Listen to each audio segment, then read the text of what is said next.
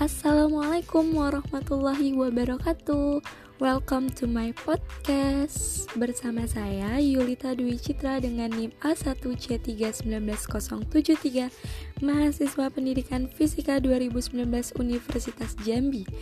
Halo sahabat pendengar di mana pun kalian berada saat ini Semoga kabarnya baik dan sehat ya. Nah sahabat pendengar Mendengar kata-kata fisika kayaknya udah berat banget ya Enggak kok sahabat, sebenarnya enggak seberat itu kok. Nah, pasti teman-teman dan sahabat pendengar semua pernah berasumsi, kenapa sih kita tuh mesti belajar fisika? Buat apa sih? Toh nggak ada hubungannya sama kehidupan sehari-hari kita. Ngapain sih repot-repot belajar fisika? Eh, sahabat pendengar, jangan sampai ada lagi ya yang berpikiran kayak gitu. Ternyata nih, sahabat pendengar, ada banyak banget peristiwa yang terjadi di sekeliling kita yang ternyata bisa dijelaskan melalui pembelajaran fisika. Cuma kadang-kadang kitanya aja yang belum paham atau belum belajar, makanya kita nggak tahu. Nah, kali ini saya akan menemani sahabat pendengar semua untuk membahas empat fenomena-fenomena fisika dalam kehidupan sehari-hari yang bisa dijelaskan melalui pembelajaran fisika. Yang pertama, ada buah yang jatuh dari pohon atau benda yang jatuh ke bawah. Sahabat pendengar pernah nggak sih melihat buah yang jatuh dari pohon? Atau sahabat pendengar pernah nggak sih melemparkan benda ke atas lalu balik lagi ke bawah? Nah, kenapa sih sahabat kok bisa kayak gitu? Nah, sahabat tahu nggak sih kalau buah yang jatuh dari pohon itu atau benda yang sahabat lemparkan ke atas dan jatuh ke bawah itu merupakan contoh fenomena fisika yang berhubungan dengan gaya gravitasi bumi. Kok bisa gitu ya? Nah, gaya gravitasi yang dihasilkan bumi ternyata jauh lebih besar loh. Dan itulah sebabnya mengapa gerak benda yang dipengaruhi oleh gaya gravitasi bumi itu lebih besar daripada gerak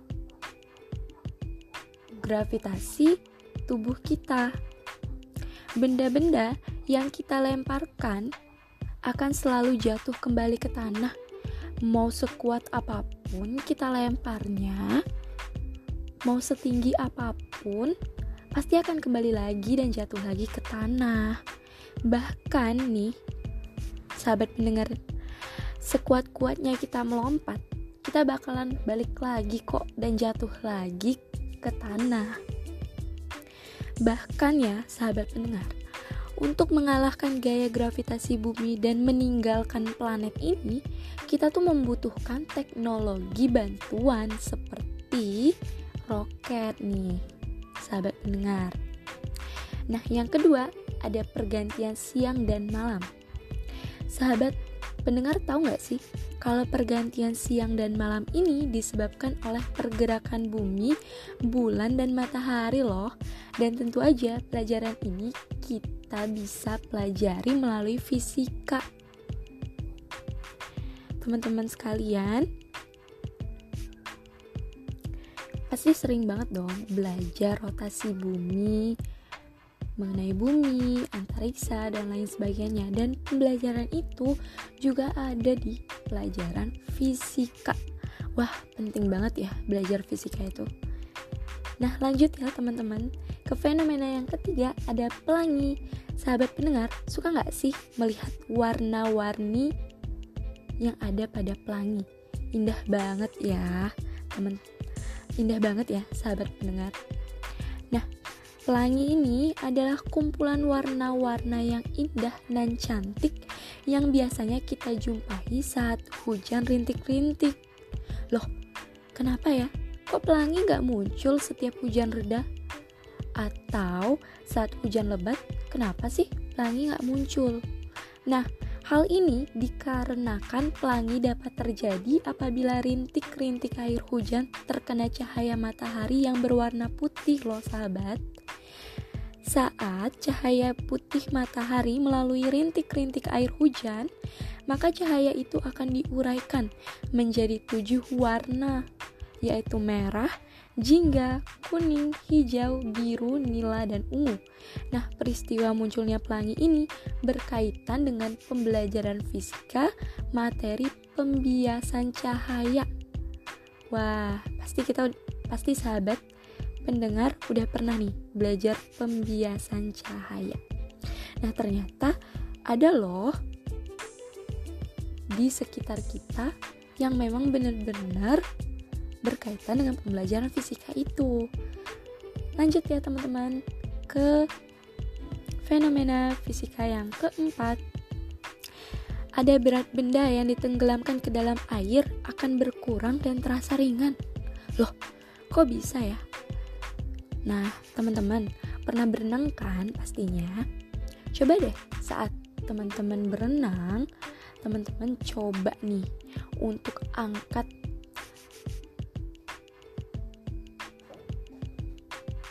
temen teman sahabat atau coba angkat adiknya atau kakaknya nih di dalam air. Nah, pasti tuh kita akan lebih mampu untuk mengangkat teman kita, adik kita, atau orang lain di dalam air. Nah, kok bisa ya kayak gitu? Kok bisa ya e, tubuh teman kita itu akan terasa lebih ringan saat kita gendong di dalam air dibandingkan saat kita gendong di luar air.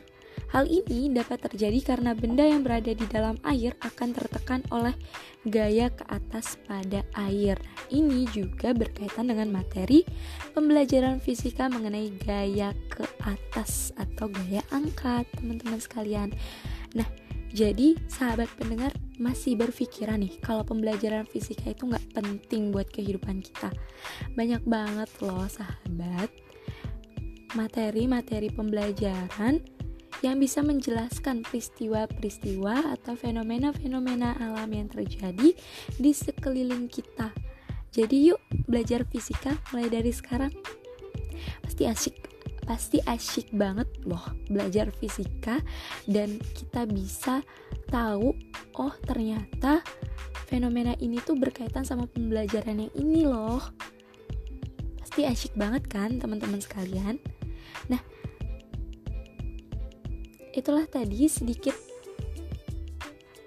pembahasan saya mengenai empat fenomena fisika yang terjadi di di kehidupan sehari-hari yang berkaitan dengan pembelajaran fisika. Semoga teman-teman bisa menangkap apa yang saya ucapkan. Terima kasih. Wassalamualaikum warahmatullahi wabarakatuh.